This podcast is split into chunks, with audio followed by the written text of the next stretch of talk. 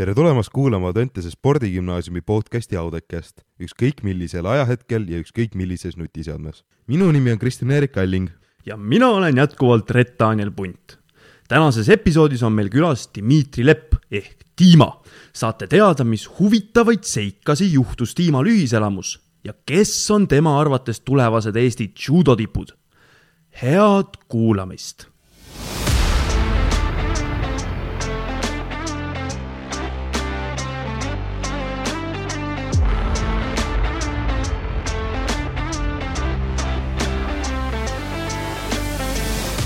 nii, mul on hea meel tervitada teid, kallid kuulajad, siit umbsest stuudiost, nagu Kristjan Jõekalda selle kohta ütles.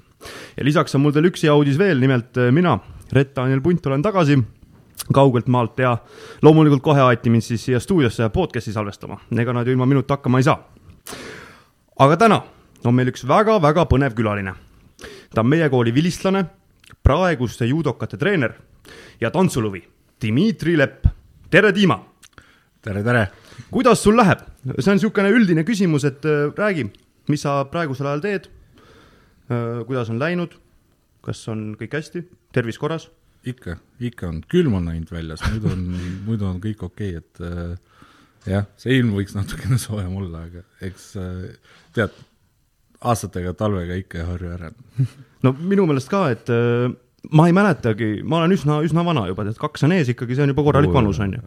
et ma ei mäletagi, millal nagu viimati detsembri alguses oli selline põhjanaba siin. tegelikult äh, eelmine aasta oli, oli ka ikka detsembri alguses? täitsa ne, see esimene nädalavahetus oli miinus kakskümmend korra, aga see on, lõi hästi korraks, miinus kakskümmend, ma mäletan, sest mul äh, kütus autos külmus ära ohoh, okei okay. aga nagu praegu on väga tõsine talv meil ja ma tulin just äh, kaugelt maalt Ameerikast, seal oli mul ilm soe, nüüd, nüüd ma proovin harjuda selle põhjanava ilmaga siin. aga, aga üleüldiselt on kõik hästi, jah? ikka, ikka. et mõttes, tavapärane elutempo? nagu alati kiire, ütleme nii, et Mhm. treeneril on selles mõttes, et kogu aeg mingid äh, reisid, plaanid kogu aeg ees, võistlusplaanid, et nii kui on äh, ma ei tea, kuidas äh, teistel spordialadel, et mõnel spordialal on nii-öelda hooaeg üks saab läbi, siis on nagu talve-suvehooaeg, siis meil on tegelikult aasta läbi, on võistlused ja praegu on niisugune väike periood, kus me saame laagreid teha kooli vahel mm. -hmm. teeme kolm laagrit koguni kolmes riigis, et et nagu koha peal istuda ei saa, kogu aeg valmistud millekski.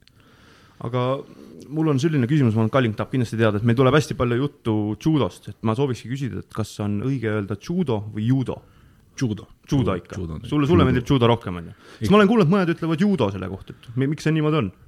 jaa, aga ikkagi võetakse seda, no judo on, ütleme, võib-olla see eestikeelne, kuna see J-täht on mm -hmm, seal mm -hmm. taga, siis on nagu see lihtsam öelda, aga see õige, õige hääl, hääldamine on ikka judo. sest ma mäletan jah, Lotte multikas oli ka judo ikkagi et see, sealt on minu no minu e judo eesti, kokku eesti keeles vanasti üldse kirjutati äh, siis äh, Selle- nõrg D Ja, ja, ja. Ž-täht, Mhm, et, et vanasti kasutati seda kirjaviisi äh,. kas sa oled varem kuulanud? äh,. Ma kusjuures suht hiljuti kuulasin äh, podcast'i äh,, kus oli Andrei Ojamets okei, et äh, jah, et äh, ütleme nii, et ma olen üksikuid podcast'e kuulanud, et ei ole kõike, kõike niimoodi päris jälginud. okei okay.. no kui sa oled kuulanud, siis sa tead, et meil on traditsiooniks on teha kiired küsimused, kus sa pead siis valima kas üks või teine ja põhjendama. ikka, ikka. ma alustan siis, et kas Itaalia või Gruusia toit? Sa alustad kohe esimese nii raskega. Esimene kohe on nii raske. Äh,. ma ütleks ausalt äh,, kas ma ah,, raske. Nad on mõlemad väga ägedad, aga ma olen Itaalias käinud ja mulle Itaalia väga, väga meeldib, et ma ütlen Itaalia, ma arvan, kuigi Gruusia see köök on võib-olla mulle isegi natuke lähedasem, aga okay., noh, kui ma koha peal ära käin, siis äh, see, see aasta, kusjuures lähen, siis ma saan täpsemalt öelda sulle. aga kui sa kodus näiteks saad ise süüa, kas sa pigem teed Itaalia juurtega toitu ala siis näiteks pastat või pitsat või sa teed äh, mingit Gruusia juurtega toitu? Uh, Crema di pollo on see Ah, mida ma okay. korra korra nagu kuus endale jaa ikka, korra kuus teen endale ikka niisuguse juustuse mõnusa, et uh, ikka, ikka rohkem see Itaalia, Itaalia toit. okei okay,, aga mm, järgmiseks on meil selline kiire küsimus nagu Xbox või Playstation? Playstation, alati, miks sihuke valik siis, mul on ka, ma olen küll Xbox'i mees, ma olen ka Xbox'i see on odavam. mitte odavam, Xbox on parem. no vot, ei tea, et ma olen äh, juba siis noorest peast olnud äh,, siis kui ühikas elasin, oli Playstation kolm, siis juba natuke hiljem sain neljanda ja praegu on viies seisab, küll ma ei kasuta seda, korra nädalas panin, no mingi, ma hiljuti kolisin, siis äh, panin tööle, kaks minutit hakkasin mängima, pea hakkas ringi ja mõtlesin kõik, ma ei saa, panin ära, vanaks siis hakkan jääma. aga kas sul on, äh, kas sul on rohkem nagu puldi eelistus või sul on nagu lihtsalt nagu konsooli eelistus? ma arvan, konsool, ma ei, ma ei tea, miks, aga konsooli eelistus. mul vennal on äh, Xbox, siis ma üldse ei saa sellega hakkama, et nagu, kõik on nii Playstationi, see on nagu juba kõik nii omane. aga kas sa selle uue GTA kuue treileri oled juba ära vaadanud? See tuli välja nüüd eelmine nädal.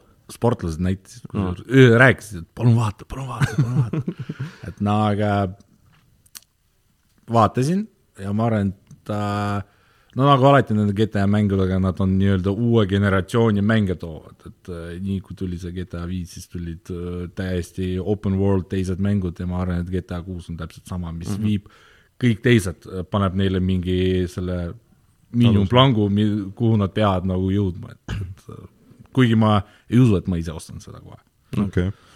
ma tahaksin teada, et äh, kas Sumigaeshi või Uchimata? Sumi Cash, kuigi mõlemad kasu-, ise kasutasin, aga Sumi Cash on parem okei okay.. miks? uh,. mulle sobis parem rohkem okay., mulle sobis rohkem. Rohkem matše võitnud sellega. ma ütlen täiesti ausalt, ma olen praegu natuke sõna, ma isegi ei tea, mis need on. Äh, ma arvan, et Dima võib peale, peale podcast'i näidata, mis seda on. oota, ma nüüd näita, võib sealt seletada, mul täitsa tead, saan aru. ma ei julge tead äkki. aga mm, kas kimono või dressid, kimono, lähedasem, lähedasem? jaa. okei okay,, sest me, mina näen iga päev sind nagu dressidega enamasti käimas, et et dress on siis niisugune, niisugune tavapärane riietus rohkem jaa, kimono dressiga siis on lihtsam, aga kimonod on ikka nagu sihuke ametlikum, aga selles mõttes sa oled ikkagi terve aeg see kimonos mm. -hmm. kimonos olnud, et pluss praegused kimonod on siuksed üsna rasked ka, sa ei jaksa neid kogu aeg käia, kuigi meil No, on rasked, jah? jaa, ikka, see on näiteks minu kimono, võis-, võistluskimono, kui ma võistlesin, oli peaaegu neli pool, viis kilo. nii palju, mis asja seal kaalub nii palju? ta on materjal, ta on üsna paks materjal. millest, Sellepärast. mis materjalist see tehtud on? Ta on ikka puuvill, puuvill on kangas, aga ta on ta on nagu, ta on nagu ikka niisugune paksem mm. ja siis selles, selles mõttes, et ma sportlastele ka ütlen praegu võistlustel, et kui te, nad teevad soojenduse ära ja nad võib-olla võistlevad nelja-viie tunni pärast mm. -hmm. ja mõned on lihtsalt harjumusest juba käivad terve päev sellega, ma ütlesin, kuule, sama, sama hästi võta hantel kätte ja käi viis, viis, viiekilone hantel terve päev niimoodi ringi, pärast mine maadlema, kas sa oled väsinud või ei ole. et selles mõttes, et äh, ma ikka valin kimonosid, aga kannan rohkem dressi. mm. -hmm. Aga mi- mitu kimonot sul on muidu?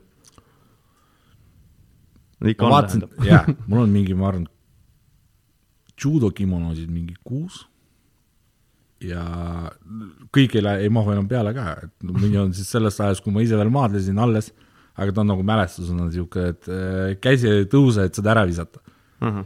ja kuna ma eelmine aasta läksin ka jujitsu trenni, siis mul on veel kaks või kolm nagu vedeleb kapis, et et nagu juures. päris, päris korralik kogus neid ikka.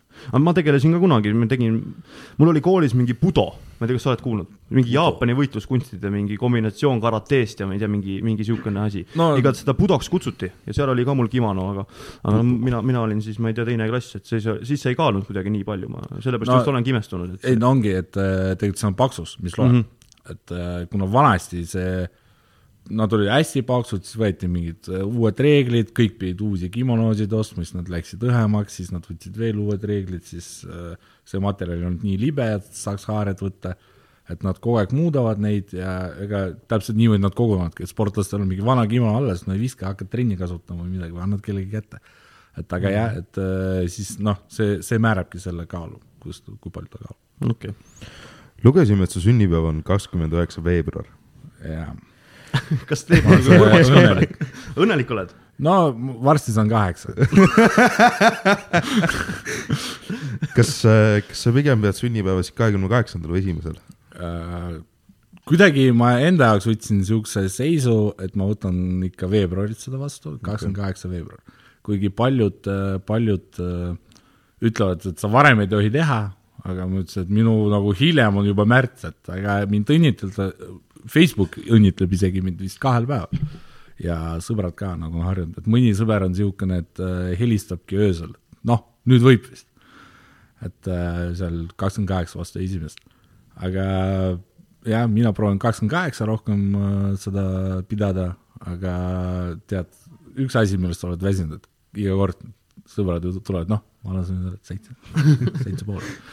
et sellest nagu noh, igaüks proovib teha nalja, aga sa mingi hetk juba mõtled, ah, lõpetage ära, et, et tead, ühes, ühte nalja iga aasta kuulate mingi nelikümmend, viiskümmend korda, et äh, aga no ma võtan seda rahulikult, ma saan aru, et see on nagu niisugune äh, hästi haruldane, haruldane päev üldse sest aga nüüd ongi üks niisugune huvitav kokkusattumus, et kui ma õppisin siin Audentses minu klassi ajal, ta oli ka judokas, temal oli täpselt samal päeval sünnipäev. mul on nagu täpselt, kahekesi nagu kuidagi sattusime ühte klassi ja mul nagu, et no täielik kokkusattumus. okei okay., aga see aasta tuleb siis äh, suur pidu, ma saan aru, jah? see No- aasta minu meelest kalendris peaks olema kahekümne üheksas kuupäev ka. peaks, ma ütlesingi, et ka, täpselt kaheksa aastaseks saan mingi hetk äh,. plaanin, aga ei ole veel kindel. et noh, ma arvan, et äh, maksab nagu tähistada suuremalt, kui on nii-öelda õige päev kalendris olemas. ikka, ikka, et tegelikult niisugune kunagi plaan oligi, et iga nelja aasta tagant teha natuke väiksem su-, väi-, vähe suurema istumise mm. -hmm. jah, aga ma arvan, et sa said väga hästi nende küsimustega hakkama, et me liigume vaikselt edasi ja me alustaksime lapsepõlvest. et äh, räägi meile natukene, et mis mees sa oled, kust sa pärit oled, kus koolis sa käisid, nii-öelda just siis nooremas eas.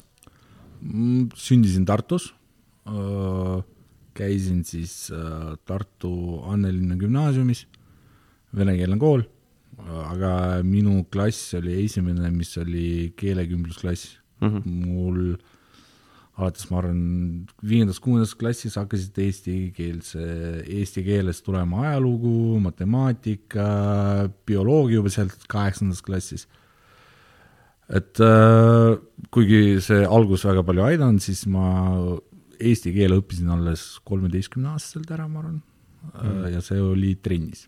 miks oh., miks ma tegelikult äh, hästi pooldan seda, et üldse noh, kui ma viin treeningud läbi, siis nad on kahekeelsed, siis tegelikult ka poisid saaksid nagu natukene lihtsamalt äh, mõne, noh, õppida teist mm -hmm. keelt Mm -hmm. ja olin viisteist pool, kui tulin siia, Audentesse, sellest ajast olen siin. et äh, ma tahtsin tulla juba vist kuuendas klassis, alguses tead, ema rääkis, et ei, sa ei lähe kuskile, seitsmendas, no vaatame, kuidas sa õpid, kaheksandas no ei tea, et kui hinded on korras, siis üheksandas, no mis ma ikka sinuga teen, et kui sa juba oled juba ammu seda plaaninud, siis sa ikka tuled. missugune õpilane sa olid? Äh, oleneb kummas koolis. no võtame alustuseks selle nii-öelda Tartu kooli. Tartus äh, neljaviieline, vahepeal mingi kolm äh, oli seal kuskil vahepeale tulnud, aga ma ikkagi ütleme, üheksas klass minu jaoks möödus täiesti nii, et kuna ma olin hästi palju trennides ja noh, ma olin väga korralik trennilaps, koolilaps, et äh, ma isegi vist kodus ei pidanud õppima, et ma koolitunnis tegin kõik ära, tulin koju, isa kogu aeg küsis, et kuidas sa õpid, et sa istud viis minutit, kõik tehtud, ma ütlesin, no korra vaatasin üle, et mis seal ikka korras on. ja hinded olid selles mõttes korras ja mulle too periood täiega meeldis õppida uh,. siis, kui ma tulin siia, siis uh, ikkagi suurem osa energiat läks spordile ja siis uh, oli ka raskem, kuna ma, ütleme see, ei õppinud emakeeles, siis äh, mul oli natuke raskem siin äh, kohaneda ja eesti keelega oli, eesti keele kirjandus olid nagu väga rasked minu jaoks. Aga kas olid pigem vaikne või sa olid, tegid nalja ja lollitasid ka klassis? mõlemad, mõlemad, mõlemad. ma pigem ma, kui me võtame nagu üldiselt, siis ma pigem olin niisugune vaiksem. aga ik-, eks ikkagi kunagi läksin sõpradega sinna ree peale ja hakkasime mingit rääkima tunnis või midagi, et siis oli ka, siis oli ka, siis oli ka märkuseid tulnud. Aga praegu me oleme juba ilusti jõudnud siia spordigümnaasiumi juurde, et äh, sa rääkisid, et äh, sinul oli suur soov tulla spordigümnaasiumisse. jah, aga kuidas see täpsemalt välja nägi, et kes sellel ajal treener oli, kas ta siis kutsus sind, et sa olid andekas äh, judokas või, või lihtsalt äh, oligi sul soov, sa kandideerisid ja said? Äh, mind kutsuti uh. -huh. ma olin siis seitsmes klassis, kui mulle öeldi, et küsiti, et uh, kus ma õpin, mis mu nagu üldse taust on, sest uh, nagu ma saan aru, siis oli Aavo põhjal oli siin treener koos Vladimir Stepanjaniga, et nad nägid uh, mind laagrites kuskil maadlemas või midagi ja siis nad küsisid, pärast küsisid, kas on soov tulla, ma ütlesin, et no ma plaanin juba, et ma tulen ja siis tulin siia ja tegelikult tol ajal meid kandideeris üle kümne inimese vist kahele või kolmele kohale. Ja pääsesin eksami lävendist läbi ja ma ei tea, olingi siin noh, et aga, aga kui suur nagu tähendus see oli nii-öelda tol ajal noorele judopoisile, et ta sai nüüd tulla siia Tallinnasse spordigümnaasiumisse? Või siis ta, oli tsikk vist? ei, ei, siis ta oli juba Audentse spordigümnaasium. spordigümnaasium. ma nii vana ka ei ole. Vabandust, ei äh,, ma nägin, kuna seal Tartust, kus ma trenni tegin, mõned poisid juba läksid ette ära uh. -huh. ma nägin seda potentsiaali, nägin seda arengut, mis siin on. ma olen käinud siin ühiselamus korra vara, varem juba siin, kui meil laagrid või midagi uh -huh. olid. ja ma teadsin treenerit. ja siis minu jaoks oli nagu ainuüksi võimalus, kui ma tahan spordile keskenduda, keskenduda, et siis ma noh, ma ei näinudki nagu, ma ei näinud enam ennast Tartus treenimas ja arenemas. Tegelikult see spordigrupp ka, ta nagu treeninggrupp, kus ma olin, seal olid ikka poisid olemas, kes minust nagu vanemad ja kogenumad mm -hmm. ja kõik, aga ma nägin, et siia tulles äh, mul on seda võimalusi rohkem. Mhm. mm. -hmm. Okay. kes oli sinu lemmikõpetaja Audenteses? Mai Arengu, ajalooõpetaja, no me, meie teda Okei. kahjuks ei tea vist. jaa, ma, ma olen vist jah, aga väga, väga, väga mulle meeldis tema tunnid ja ta ei pahandanud vist mitte kunagi minuga. ükskord ma mäletan, et ma jäin, ma jäin koolipingis magama. niimoodi, et no ma arvan, kõik, kõik spo,, kõik sportlased siin on jäänud korra tunnis magama. ja jäin magama niimoodi, et viimasel pingil ja järgmine hetk lihtsalt tundub, kuidas laud nagu kõigub, ma tõstan pead, vaatan ringi, vaatan, klass on tühi ja Maja nagu lükkab mu lauda, ütles tõuse püsti, mine ära.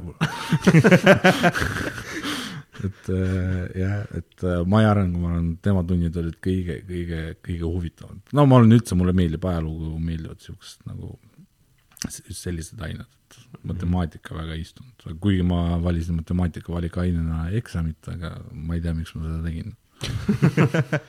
aga kas ajaloos olid siis kõva kepp ka, jah? Mul Nii-öelda. oli niimoodi, et ajaloos kõik kuupäevad, no mulle ei meeldinud need kuupäevad või midagi, aga mulle meeldisid need lood.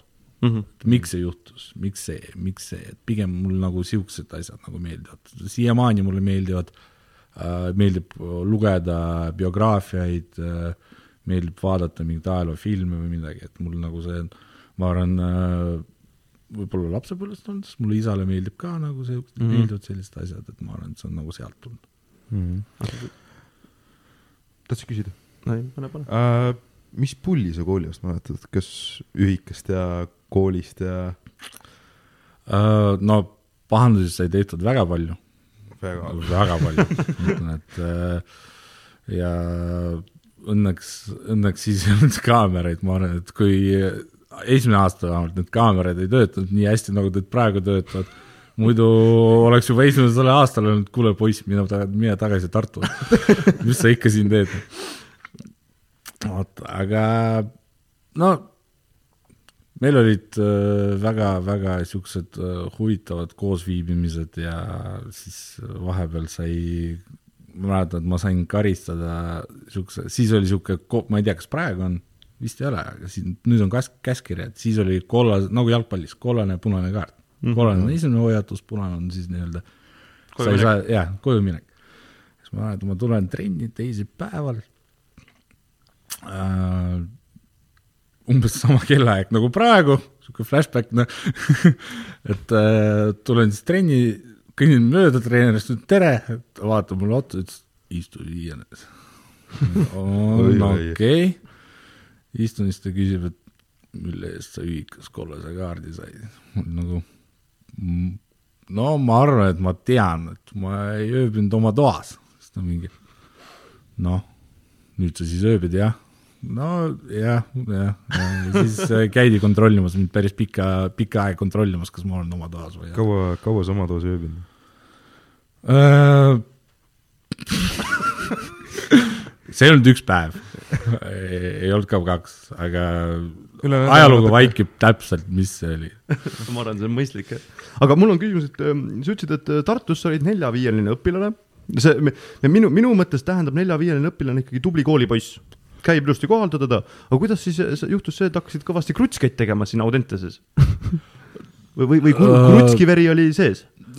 ta oli kogu aeg sees, ega no Tartus oli lihtsalt see, et äh, ma ei tea, kodus sain ära vaata, et et see, et ei no ka, et äh, sportlasena, kui sul, su päevagraafik näebki välja, et sa lähed kooli, sa lähed trenni, peale trenni sa tuled koju, sul enam nagu energiat kuskile jalutama minna väga ei ole, siis siia sa satud, satud keskkonda, kus sul on sõbrad, kus sul on, äh, kus sul on uued sõbrad, kus sul on äh, õhtul natuke rohkem vaba aeg, kus nendega rääkida mm -hmm. ja äh, ega lapsepõlv on lapsepõlv, ma saan nee, aru, et äh, ma saan ka aru, kui seal poistes keegi ühikas mingeid natuke pahandusi teeb, proovid seda nagu natukene läbi, läbi näppude vaadata, et mm -hmm. ei, me saame aru, et, et kõik on noored ja kõik teevad vigu, õige, peaasi, et, et vead ei oleks fataalsed, võib nii öelda, ja peaasi, et sa nendest õigel ajal aru saad, et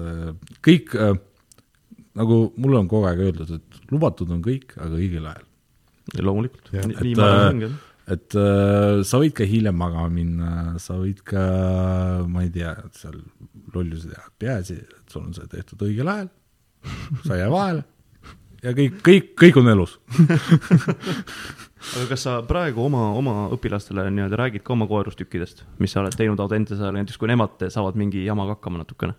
ikka, ikka, mulle meeldib nendega suhelda, kui, eh, sest ma olen ka äh, õppeaastas olen ka külastanud niimoodi ühiselamud niimoodi, et ma tulen mingi kell kaheksa õhtul, tulen, istun ja ma olen kella kümneni istun ja räägin nendega ja seda on juhtunud mitu korda praeguse, no see aasta veel ei ole, eelmised aastad mm. -hmm. et ma tulen ja me räägime, poisid räägivad, mis nemad on teinud, mina räägin, mis mina olen teinud, et me ei, ma ei hakka nendega pahandama ega midagi, no et nad on ka rääkinud, mis nad on seal igasuguseid lollusi teinud ma ei tea, pre-workout'iga võtnud enne magama minekut või midagi. Mingi, mingeid teaduskatseid teevad seal jah, jah, jah, jah, jah. Et äh, ja siis üldse ei saanud magada, mis sa arvasid? Vot, aga no ma saan aru, poisid on poisid ja noored on noored, et äh, ma ütlen, et peaasi, et peaks, peaks asju tegema õige, õigel ajal ja peaasi, et nad kelle, kellelegi liiga ei tee. Aga, aga kui lähedaseks sa said äh, Audentes ajal oma, oma nii-öelda klassikaaslastega või, või trennikaaslastega, kas sa nendega praegu ka suhtled uh,? suht-, suhtlen, ütleme, treenikaaslastega, need, kes jäid judosse mm, -hmm. nendega suhtlen väga palju, sest äh, väga paljud on äh, nii-öelda äh, ma näen neid praktiliselt iga päev, iga nädal töö, tööalaselt.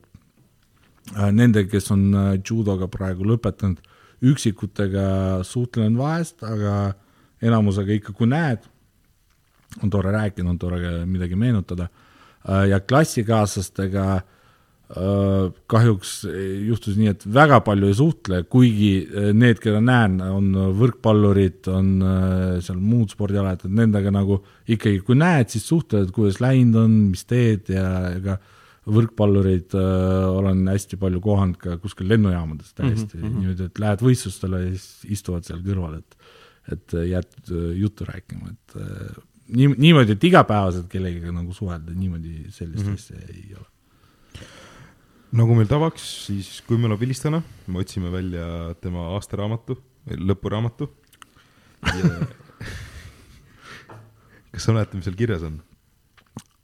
Ma ausalt öeldes uh, kuskil kaks aastat tagasi ma olen seda leidnud ja lugenud, aga ma ei mäleta, mis seal kirjas oli. huviteks on siis pandud uh, muusika, sport, kino ja suvi. mida see suvi endast siis? võib-olla suvel oli natukene rohkem vaba aega sellepärast, no mulle meeldib üldse soe kliima mm, -hmm. see on nagu üks asi. ja võib-olla suvel oli natuke rohkem vaba aega, siis oli ka nagu see pand, kirja pandud. Ega täna, täna võtta, siis ma arvan, ega see väga, sinna on asju juurde tulnud, mõni on nagu see, kui ütleme, kui me pingerite paneme, mõni on nagu läinud ettepoole, mõni tahapoole, aga see on üsna, üsna accurate ka praegu noh. mis sa, mis sa seal ümber muudaksid? No ma kindlasti paneks äh, sinna, ma täiendaks seda mingite raamatutega, täiendaks seda mõningate võib-olla, ma ei paneks, sport oli seal sees, eks. et ma paneks võib-olla siis, siis juba spordialade kaupa, et mida ma nagu jälgin või mis mulle, et ma ei üldistaks seda niimoodi. okei okay.. kirjutatud on siis sinu kohta, et Tiim on hea süda, heasüdamlik persoon, kes proovib alati teistele head teha ja paljudki läbi lillede näha. vahest on ka üpriski põikpäine ja teeb seda, mida ta ise kõige õigemaks peab, kuigi see ei pruugi alati välja kukkuda nii, nagu ta plaaninud on. kindlasti tegemist on väga sihikindla püüdliku inimesega, kes proovib kõiges maksimumi saavutada. kas sa nõustud sellega? jaa, kindlasti, kindlasti ma olin selline, kindlasti ma olen ka praegu selline, et äh, tead, kuskil, kuskil äh, see põikpäisus loeb ka välja ja et ei, ta on, me oleme, me oleme nagu me ole-, nagu me oleme, me saame sealt edasi areneda, aga see ikka on meie sees, nii et äh, ma usun, et see on, see on tõeline, tõeline väide aga mida sinul, sinu jaoks see põikpäisus kooli ajal tähendas, et ma mõtlen, et mina, kui ma seda kirjeldust loen, siis ma olin üsna sarnane kuju. Just siin spordigümnaasiumi ajal, et mulle meeldis ka teha niimoodi, nagu mina õigeks pean asju, et tihtipeale ma ei, ma ei nüüd ei teinud niimoodi, nagu näiteks õpetajad arvaksid, et oleks õige või, või et kas sul oli ka kuidagi sarnased niisugused tunnis noh, kui tundsid, et ei ole vaja kohale minna, siis ei läinud kohale või, või tundsid, et seda, seda tööd ei ole vaja nüüd teha nii hästi, et siis ei teinud seda tööd nii hästi. ma arvan, et see võib-olla ei, otseselt ei olnud äh, seotud äh, nii-öelda mingite töödega või koolitundidega, vaid okay. see oli pigem võib-olla seotud äh, mingisse, mingisuguste ülesannete, ma ei tea, lahe, lahendustega või probleem mm, -hmm. ütleme, püstitatud probleemi lahendus okei. okay,, okay. võib-olla okay. ma oleks mõnda probleemi saanud ka lihtsamalt lahendada, aga ma mõtlesin, et kuule, et ei, ma juba tee, teen nii ja siis ma lähen seda teed edasi, isegi kui ta on vale aga mm, lähme, jätame selle spordigümnaasiumi praeguseks äh, sinu, sinu nii-öelda käimise et äh, võtame täpsemalt selle nii-öelda judo.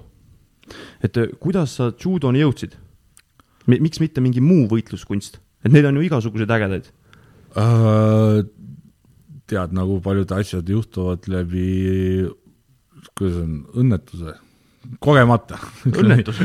no mitte õnnetus on vale sõna Ahah. uh,. Juhuste, kogemata jah. läbi juhuste jah mm, -hmm. kogemata, et uh, ma tegelikult, mu klassivend uh, siis veel Tartus, üheksa aastaselt, neljas klass, ma arvan, kutsus mind trenni, ütles, et kuule, käin trennis, väga äge, tule ka no kuna me olime sõbrad, siis ma mõtlesin, okei okay,, eks ma tulen ja kahe kuu pärast siis äh, tema lõpetas käimise ja mina ikka jäin selle juurde.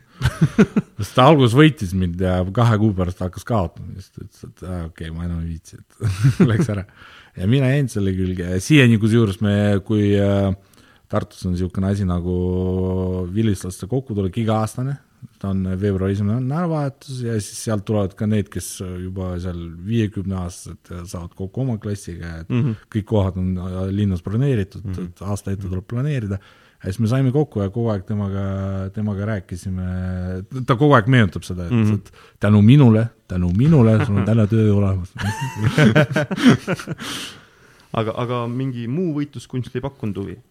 Näiteks kui sa alustasid judoga, tegid seda, kas noh, siis sa ju puutusid kokku erinevate seal inimestega võitluskunsti maailmast või oli ainult, ainult judo ja judo jäi? ei, judo oligi, oligi ainult, et äh, üldiselt äh, ma arvan, et isegi enne, kui ma judos, karate oli meil samas saalis, aga see ei pakkunud üldse mulle huvi.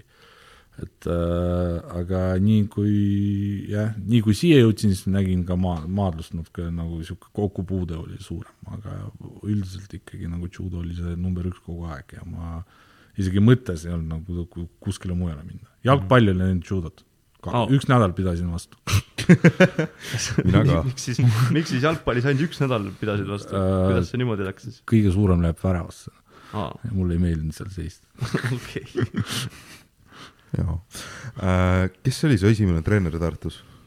uh, mul esimene treener oli uh, Roland Maisuradze, ta on Gruusia juurtega, Gruusia juurtega treener, oi, kui ta kuuleb podcast'i, siis ma valisin Itaalia kööki, ta ei andesta mulle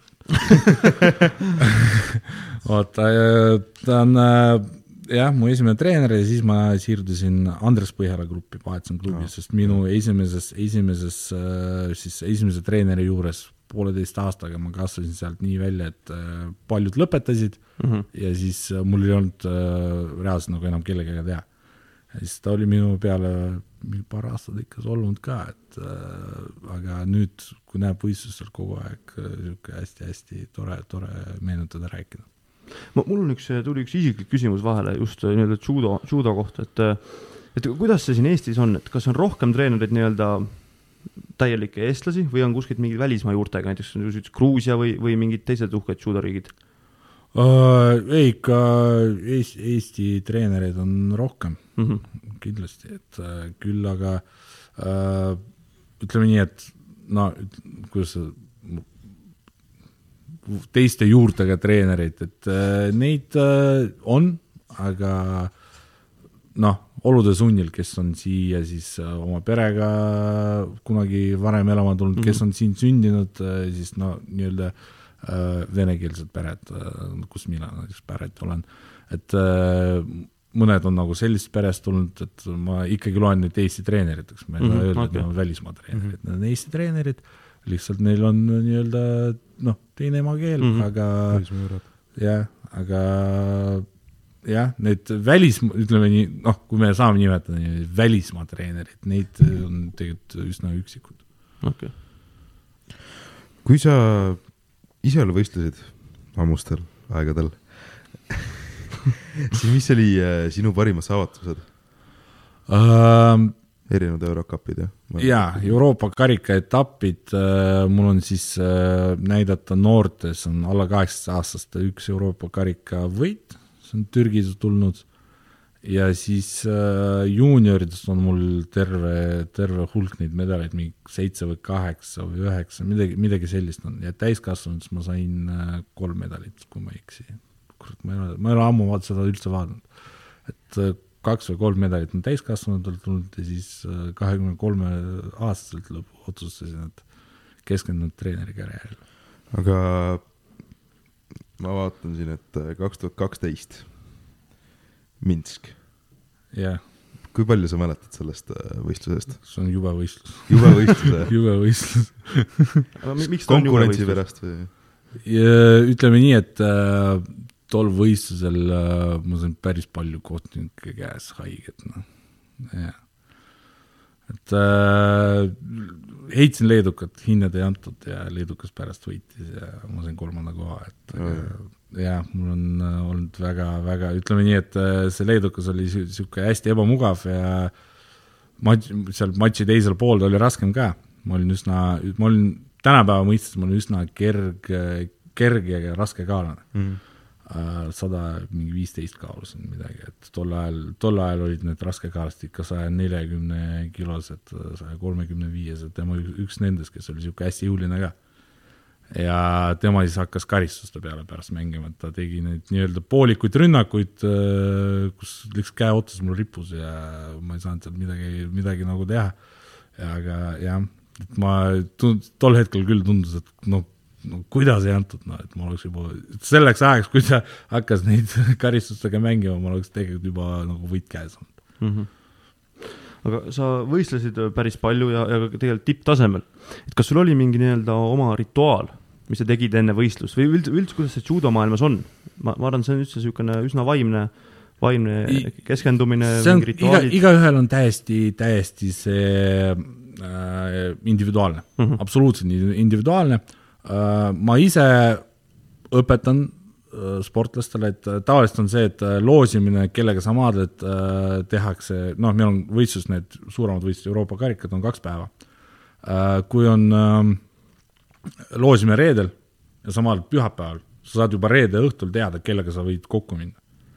ja siis sa võid istuda ja hakata mõtlema, et okei okay,, hakkad videosid vaatama, tänapäeva maailm ka nii lihtne, leiad videod, leiad, mida ta teeb, hakkad kõike vaatama ja siis oma peas hakkad maadlema, äh, terve reede õhtu juba lähed magama, mõtled, mida ta teeb, terve laupäev, mida võistlus lähemal, seda rohkem sa temaga maadled, pühapäevaks sa oled oma peas temaga teinud, ma arvan, mingi sada matši.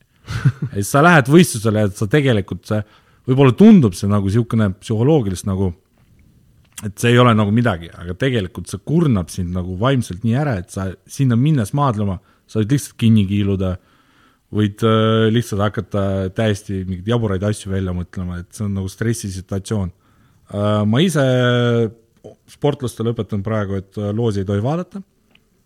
et sa lähed nagu maadlema, siis sa lähed nii-öelda kerge peaga mm. -hmm. Mul endal niisugust rituaali ei olnud kahjuks, kuigi ma oleks väga tahtnud, et see oleks mul nagu sees. aga mõni kuulab muusikat, mõni äh, räägib juttu, mõni lihtsalt istub, keskendub seal, just nägin kuskil videos, kus üks rootslane koob sokke okay. tema, tema jaoks oli see ka nagu omamoodi niisugune, et ta nagu äh, proovib maandada seda stressi, et kui meil on olemas tegelikult see stressitase, võtame skaalal üks kuni kümme ja sa tead, et optimaalne on neli-viis sportlase sinu, sinule kui sportlasele, sa pead nagu, sa tead, et mul on närvid üheksa peal, et ma pean nagu rahu, maha rahunema, kas ma räägin oma perega kas ma räägin treeneriga, kas ma räägin, kas ma loen raamatut, kas ma, ma ei tea, lahedat ristsõna, ükskõik mida, mängid mängu telefonis. praegu on see väga kättesaadav kõik. vot, aga mõni on ikka seal üheksa peal, siis ta käib veel ja ajab ennast, pumpab ennast veel sinna kümne peale ära, et siis kui ta välja tuleb, siis nagu kindlasti kõik nagu puruks, et et jah, et tegelikult et see on nii individuaalne, absoluutselt, mulle ikka meeldis nagu suhelda sel ajal rohkem inimestega, aga ma usun, et äh, kui praegu tagasi vaadates ma olen, ma oleks üldse oma, oma sportlaskarjääris palju, palju asju teistmoodi teinud. Mm.. aga ikkagi see on äh, hea, et äh, see, see arusaam üldse tuleb, kas või aastatega, nüüd ma saan oma kogemust nagu edasi anda sportlastele ja ma öelda, et kuulge, ma juba tegin seda, ma tean, kuulake ja teil tuleb see kõik nagu täiesti teistmoodi paremini välja. Mm. -hmm. alati ei kuule alati tahavad oma, oma tead vigu ka nagu näha. seda on nagu tulnud ka juba, ma olen näinud, et seal mõni ütleb, et ütled, et ära loosi vaata. ei no mis seal ikka, ja pärast peale võistlust, kuule ma poleks siis pidanud vaatama, et ma ütlesin, nojah, no järgmine kord tead no ise, ise tuleb ikkagi ära katsetada kõik need asjad. ikka, ikka, ikka, aga noh, et äh, hea, et kui sa katsetad ja siis proovid teistmoodi ja teed omad mm. järeldused, kui sa lihtsalt nagu noh, jällegi, kui sul on teadmine, et miks see võis nagu niimoodi juhtuda, siis sul on nagu millegiga opereerida, kui sa ei oska opereerida, siis sa teed samu vigu kogu aeg järjest edasi, edasi, edasi, et siis on nagu juba, juba nagu kahju, et aga kui sul on keegi kõrval, kes saab soovitada sulle, et proovi nüüd nii ja vaata, kas õnnestub, siis on nagu siis nagu õige tee. kui ma tohin küsida, siis äh, miks sa ise võistlemise ära lõpetasid ja kas sa kahetsed ka uh,? ei, ma ei kahetse, kuigi ma tol ajal, kui ma praegu tagasi mõtlen, mul uh,, ma oleks võinud veel vabalt viis, viis uh,, kuus aastat, ütleme poolteist olümpiatsüklit, võib-olla isegi kaks ma oleks võinud vabalt ära teha et äh, tol ajal oli tegelikult finantsiliselt hästi-hästi äh, raske, kuna meil hakkasid need äh,, judo on üldse niisugune karm ala, et tegelikult on äh,, sa võid sõita teise maailma otsa ja teha ühe kummarduse mati peal, seista alla minuti, teha kummarduse ja sõita koju. et äh, praegusel ajal on natukene nagu rohkem äh, äh, noh, finantsilist tuge EOK poolt on tulnud niisugune programm nagu siis äh, äh, Team Estonia. Mm, -hmm. on äh, igasuguseid toetusi saab küsida, et varem oli sellega nagu raske, et äh, ja hästi palju pidi otsima sponsoreid, mind aitas siis äh, isa ülemus natukene mõne laagriga, mõne, midagi aitasid vanemad, midagi pidin ise alla panema, aga mingi hetk saad aru, et äh, noh, et kas sa jaksad niimoodi veel viis-kuus aastat elada, see on üks asi, teine asi on see, et äh, elu, elu tahab ka elamist, sul on vaja, sa oled juba seal kakskümmend kolm, sul on vaja tegelikult juba ju autot, korterit, tahad nagu kuskil edasi liikuda ja täisväärtuslikku elu elada. sest ma elasin üsna, üsna pikalt peale kooli lõpetamist, ma elasin lühikas, ma arvan, mingi kaks või kolm aastat. Okay.. ma lõpetasin, siis ma üürisin, no mul oli kõige lihtsam, elad ühikas, tuled siiasamma trenni, lähed pärast siis lastele grupile annad äh, trenni, oma trenni jälle ja mm. magama. et see oli nagu sel, sel ajal kõige lihtsam. ma tahaksin küsida, et äh, see aasta lõpetas ka üks Eesti väga tugev judoka, et äh, te rääkisite, et need on paremaks läinud, need toetused ja kõik see, aga ikkagist, et kas siis Eesti, Eesti tasemel isegi siis Euroopa ja maailma tasemel natukene judokad Eestis veel hakkama ei saa, nagu ainult toetuste pealt. Äh, no jälle, praegu, kui sa oled äh, Euroopa, Euroopa ütleme isegi selline seitsmes mees juba, sa saad juba sinna Team Estoniasse rahade peale ja sul on nagu lihtsam selles mõttes, et äh, sul on juba lihtsam äh, ka võistlustel käia, kui sa oled seal kuskil äh, lähedal nendele tippudele, sul on äh, hästi palju rohkem äh, finantsilisi võim-, võimalusi käi-, käia välismaal.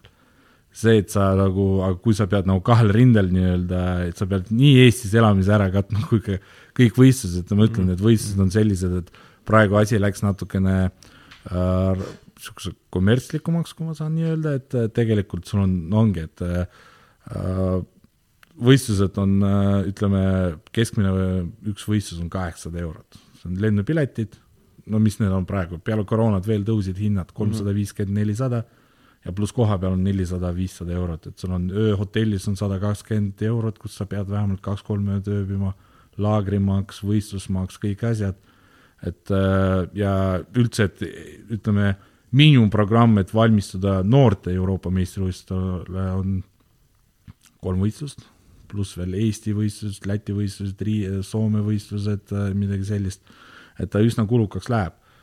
mida vanus edasi, seda raskemaks see läheb. Hea, kui on klubi, kes saab toetada, hea, kui on alaliit, kes saab toetada, toetada, hea, et tänapäeval Tallinna noortel on Tallinna spordikoolid, tänapäeval on äh, olemas kõiksugu, kui sa oled andekas, suudad seda näidata, sul on igasugused teised toetajad olemas. et hea, et praegu on need võimalused, kuigi konkurents on, ütleme, ka nende noorte vahel on tihedam, aga võimalusi on. Sest meie ajal tegelikult äh, ma võib-olla olen ühe korra olümp-, olümpiakomitee käest toetust saanud ja see on juba mingi viis-kuus medalit võitnud noormees, praegu on üks-kaks medalit, kui sa Euroopa karikatelt tood, sul on tegelikult juba üsna, üsna suur, üsna suur variant, et sind äh, hakatakse edaspidi toetama ja, ja sa saad areneda. peaasi, et sa suudad keskenduda sellele arengule ja sa tahad seda, see on kõige tähtsam. okei okay., aga millised on üldse need nii-öelda rahad judos, ma mõtlen just nagu võistluste mingid auhinnarahad, mingid, kindlasti on ka ju teil äh, judomaailmas mingid äh, võistlused, kus saab siis mingi uhke manoosi, just siis nagu tipptegijate suhtes. ikka on, ikka on, praegu on äh, MM-i ja Grand Slamid on, nad võtsid seda tennise, tennise, tennisesüsteemi, kus sul on need suure slam'i turniirid, sul on Grand Prix'd, sul on mm, -hmm. et no ütleme, võitja saab turniiri võidu eest äh, Grand, Grand Slamidel oli vist viis või seitse pool tuhat no et siis tennisega ei anna võrrelda. no tennisega kindlasti ei anna, ei anna võrrelda, aga need kulud, mida sa kulutad ka ei ole nagu nii, nii suured. et aga ütleme ka seal on asi liikunud äh, paremuse poole, kuna varem äh,, varem ei saanud mitte midagi mm. -hmm. varem äh, sa käisid, olid siis äh, diplomi ja medali ja soe käepigistus oli see, mis oli nutune. eriti nutune, et praegu on nagu sa näed ka neid üldse noh, võimalusi edasi, kuhu liikuda ja mida saab. Ja tegelikult need, need, kes võidavad neid Grand Slam'e, Grand Prix'd, ega neil on tegelikult äh, nii alaliidu poolt, olümpiakomitee poolt, igalt poolt on nagu kõik asjad juba nagu olemas kaetud ka, et ma ütlen, no tule, tule Euroopa meistriks, saad kohe B või A kategooriasse siis on nagu tegelikult sul, sul on palju-palju lihtsam elus edasi, no järgmised, ütleme, olümpiatsükli olla aga, aga mitu seda nii-öelda Grand Slami või seda suurt võistlust umbes üks tippjudokas teeb aastas, et paljudel on nagu võimalus raha kokku ajada? äh,. aastas on neid, kui ma ei eksi, seal kaheteistkümne ringis, kümne, ütleme kümne, kümme keskmiselt mm. -hmm. uh, no ikka, ikka need tipud, tipud saavad kaheksa, saavad ära teha, Mhm. Aga see ei ole nende peamine tuluallikas. okei et rohkem on ikka sponsorid ja sponsorid ja... äh, äh, hästi, neid tippe kutsutakse ka Saksamaale, näiteks Saksamaal on väga arenenud see klubi, klubide vaheline süsteem, kus okay. äh, võistluse Bundesliga mm -hmm. ja seal sul on ainuüksi stardirahad on või nendel tippudel on võib-olla kaks-kolm tuhat. et pluss iga võidetud matš ja sa saad käia praktiliselt iga nädalavahetus seal, et äh, ainult no mingi, see on mingi kindel periood mm, -hmm. ajaline periood. et äh, jah, et äh, need, äh, need palgad on ka nagu palju paremaks läinud, kui varasemalt oli, et, et võimalusi on. et ma, ma saan aru, et tegelikult on võimalus nii-öelda judoga, kui sa oled tipptegija, päris nagu nii-öelda hea tagavara endale teenida, kui sa peaksid karjääri lõpetama ja näiteks ei taha kohe tööle minna treenerina. ikka on, ikka on, no siis sa pead tipp-tipp olema mm, -hmm. no okei okay,, võtame tead, see on nagu äh, boksis, et äh, tipud, tipud teenivad no väga hullusid. ulmelisi summasid. ulmelisi summasid äh,.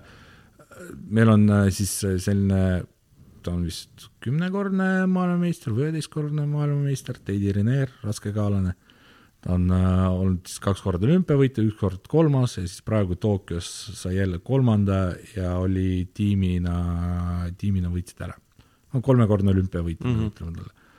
et tema aastatulu üldse, et äh, mitte ainult judoga, vaid noh, ta ikka tänu judole teenitud rahadele, ta on nagu kuskile veel juurde investeerinud ja oma kimonosid hakanud müüma ja midagi tema aastatulu oli vist kaheksakümmend miljonit, kui ma ei eksi. kaheksakümmend miljonit? okei. see on nagu, ja see, see juba läheb nagu jalgpalluri, jalgpalluri teenistuseks, aga jah, aga ta on ka nii, nii populaarne, et äh, ta läheb kuskil, no Prants-, Prantsusmaal on judo üldse üsna äh, teine suuruselt spordiala ja ta läheb, äh, ta läheb kuskile kohvikusse, sisuliselt kohvik peaks kinni panema, sest kõik inimesed tulevad pildistama, tema isaga, ja, ja tema isaga tehakse pilte, ta tuleb võistlustele, isaga tehakse pilte, autogramme küsitakse, et et jah, aga Renieri jah, teenistus oli seal kaheksakümne miljoni ligi see on ikka päris ulme. kõik kuulajad, vabandust, et kui, kui teile tundub see raha, rahajutt igav, siis mind jubedalt see huvitab, kuna ma õpin ka seda teemat, siis, siis ja igas spordialas mul tahan hästi teada, palju nad teenivad. et noh, kergejõustik teada-tuntud on niisugune ala, kus kus tead, pead kopikaid kokku ajama kuskilt igast nurgast. no aga teemantliigad ikka kergejõustikus no, aga... ikka, ikka on ka nagu paremuse poole läinud. võta, võta kümme aastat tagasi, siis ma, ma ei tea ühtegi kergejõustikust, kes oleks aastas kaheksakümmend miljonit teeninud et kunagi Bolt, Bolt teenis mingid kolmkümmend ja niimoodi no,. Duplantis no, varsti teenib või no,? jällegi, mida me teame, mida me ei tea, et kuskil võib-olla sealt tead, oma, oma, oma, oma sõbrad veel kuskil no. seda muidugi, seda muidugi, no see on kõik ametlik niisugune, mis on, mis on jah, internetis. aga Äh, liigume selle, selle nii-öelda treeneri äh, töö juurde, et kust tuli sul üldse idee, et tulla Audentesesse just treeneriks? et äh, kuidas see nii-öelda alguse sai kõik, et sa lõpetasid siis karjääri ära ja siis sa tulid Audentesesse või sa juba olid kuidagi seotud selle treeneri tööpoolega siin Audenteses? ma tegelikult, ma alustasin Audenteses treeneri tööd, kui ma olin kaheteistkümnes klassis. siis äh, nii-öelda see, ma olin kaheteistkümnes kaks aastat ja kuna see teine aasta oli mul valikainena võetud äh, vene keel, mis on mm -hmm. mu mhm. emakeel, oli muusika ja oli kunstiajalugu mm. -hmm. et äh, kolm ainet oli ja mul oli võimalus siis äh, käia ühe grupiga tegemas, tegemas kaks korda nädalas trenne, siis ma võtsin endale juba ühe väikeste gruppi, käisin siis oma treenerit aitamas natukene, tema väikeste grupiga ja niimoodi see jah, järjest suuremaks see koormus läks et äh, noh, kui võtta praeguseks, siis tegelikult alates äh, kaheksa, kaheksateistkümnendast eluaastast on Audentes mu ainukene tööandja siiani olnud. ma ei ole kuskil mujal siiani töötanud et üsna, üsna tugev seos sellega ja kuna ma ise võistlesin Audentse spordiklubi alt, siis äh, noh, minna kuskile teise onu juurde, ütleme niimoodi, trenni andma ei olnud ka nagu mõistlik, et kuna mm -hmm. ma olen juba siin, siis siia ma ka jäingi okei okay.. kuidas sa ennast iseloomustaksid, missugune treener sa oled enda arust? kas sa oled leebe või sa oled väga kuri või? ma, ma olen karm, aga ma proovin õiglaselt karm olla Õige. Uh, ma proovin olla õiglaselt karm uh,, võib-olla vahest ei tule välja, vahest aga ma arvan, et äh, tead, see sport on selline, sport on ise väga karm asi. ja kui me no ei hoia distsipliini või midagi, siis äh, meil ei tule midagi välja. et sellepärast peabki natukene, natukene kuskil noh ho, hoidma seda ennast ja korda ja kõike, et äh, ma arvan, see on kõige, kõige parem sõnastus minu, minule.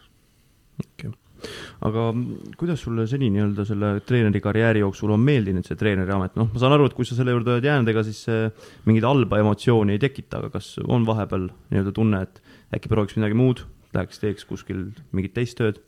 ei ole, ei ole, ei ole sellist tunnet, et ma tahaks midagi muud proovida äh, kindlasti ma tahan äh, veel areneda väga palju mm, -hmm. sest äh, mina ise arvan, et ma kunagi ei saa piisavalt heaks. Okay..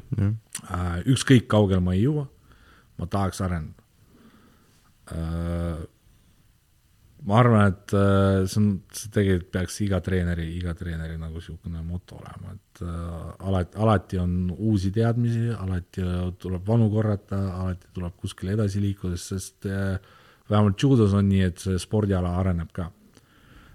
See maadlus, mida ma ise tegin tänapäeval, ma arvan, et see, see on nagu vanakooli maadlus, ütleme nii, see, mis kümme aastat enne mind oli, see oli veel va rohkem vanakooli maadlus, et reeglid muutuvad äh, muutuvad nii-öelda need äh, hood, et äh, ütle, ütleme äh, are-, areneb see, milliseid tehnikaid rohkem mm -hmm. kasutatakse, et siin rohkem karistatakse selle eest, siin rohkem karistatakse selle eest, et tuleb väga, väga õigeaegselt aru saada, mis on see uus nii-öelda trend mm. -hmm. et ja seda nagu peab tunnetama, et seda peab ka nagu õppima tunnetama aga, aga mis sa arvad äh, praegustest meie kooli judokatest, judokatest, vabandust äh, kindlasti on kõigil veel äh, väga palju arenguruumi ja kõik on tublid olnud, et siin on poisid, kes on tulnud juba näidanud väga häid tulemusi. et mõni on saanud sellest tulemusest nagu hoogu juurde, mõni on saanud, mõni on selle tulemusega äh, Äh, ta on saavutanud seda tulemust, aga ta tahaks nagu ütleme nii, et midagi nagu segab edasi arene- mm, -hmm. selleks, et äh, saavutada veel paremad tulemused, aga kindlasti me teeme selle kallal tööd, et siin noh, sport on judo jälle niisugune, et kuskil tulevad traumad, kuskil tulevad väiksed tagasilöögid, sa oled täpselt nii tugev, kui mitu korda sa suudad nendest välja tulla. et jah aga kes on nii-öelda sinu selle treeneri karjääri jooksul olnud sinu jaoks kõige nagu sihuke potentsiaalikam?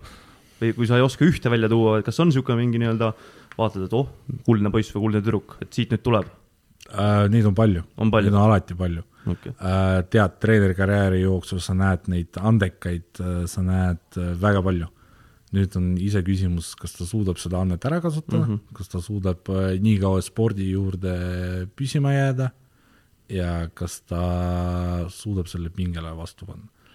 et äh, no praegu ütleme, kui me võtame Audentse õpilastest, siis on äh, kõige noorem äh, on Artak ja tema on praeguseks saavutanud siis kaks aastat vanematega siin sügisel, oktoobrikuus, sai kaks aastat vanemate seast pronksmedali Euroopa karikaetapilt et see on nagu, kui me arvestame, et ta on selles vanuses veel kaks aastat, et ta on nagu teinud väga-väga head tulemust mm. -hmm. aasta alguses ta käis ka, proovis nendega siis, äh, aga aasta algus oli natukene psühholoogiliselt tal võib-olla raskem, kuna uued, uuel tasemelt koguni võistlused, ta pole niisugusel tasemel käinud mm ja nüüd ta siis äh, sügisel suutis seda tulemust näidata ja siit edasi ma äh, ma näen ja ma tean, ta tahab veel rohkem ja ta suudab siit, siit edasi veel areneda väga palju.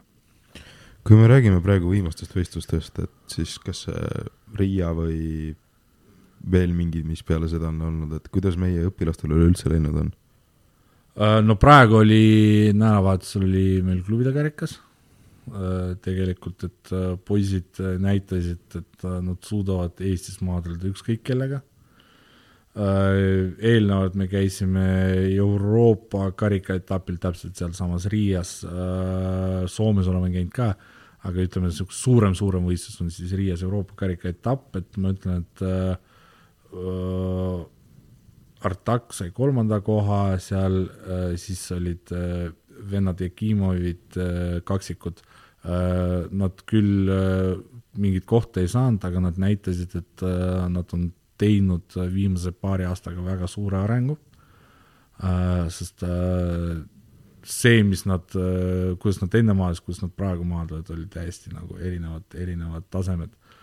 ja siis üks see IB gümnaasiumi õpilane, IB õpilane. IB õpilane on ka, kes teeb meiega koos trenni, on Philipp Šekotin, tema, tema võitis ära sellesama Euroopa karikaetappi.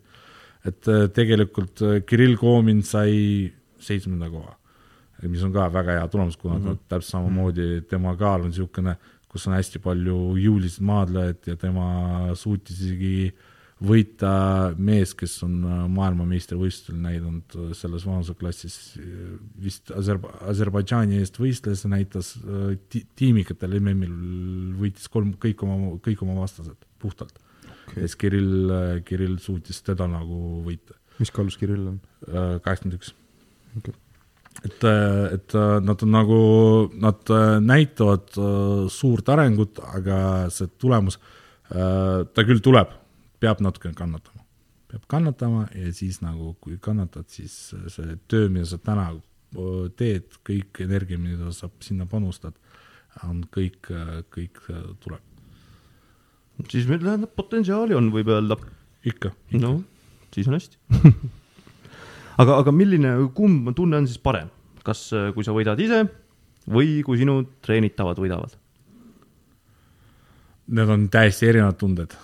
Need on täiesti erinevad tunded. Äh, mõlemad on head aga mõlemad on head omamoodi, et mm -hmm. kui võidad sina ise, siis on see raske töö, see hiigi, mida sa valad trennis, kuhu sa oled läinud neid aastaid ja äh, kõik äh, inimesed, kes sind ümber, ümbritsevad, kõik, äh, kes sind toetavad, on nagu kohe sinuga, äh, jagavad seda momenti. Kui aga võidavad sinu õpilased ja eriti, kui sa näed neid noorest east juba arenemas, see on nagu see treenerina, see on see, mida sina oled sinna panustanud mm -hmm. ja sa näed tema nii-öelda edu, et see toob sulle ka niisuguse pisara silma ausalt öeldes et äh, ja kui ta tuleb peale matši ja jagab seda, seda esimest emotsiooni, momenti sinuga, et see on, äh, see on tegelikult väga, väga sihuke ma ei oska seda üldiselt äh, õiget sõnu sinna valida, et ta on väga äh, kirjeldamatu tunne emo-, e-, jah, ta on väga emotsionaalne moment, et mm -hmm. kui ta eri, eriti, kui ta saab selle esimene, esimest korda seda, sel tasemel mingi, mingit tulemust mm. -hmm. sest see kõik me teame, mis see teekond neil on olnud, sa oled temaga kõik need äh, ebaõnnestumised äh, läbi elanud ja, ja see esimene edu on kõige nagu parem. okei okay., aga siis nii-öelda sa ütled, et need on erinevad tunded, et siis nii-öelda top üks, top kaks sa ei saa panna nii-öelda siis isiklikku võitu ja siis treenitava võitu, et need jäävad ikkagi siis eraldi lahtritesse? no see on nagu võrrelda, ma ei tea, kas mulle meeldib mandariin ja kartulipüree, et äh, ma ei saa öelda, kumb mulle rohkem meeldib, sest nad on täiesti erinevad.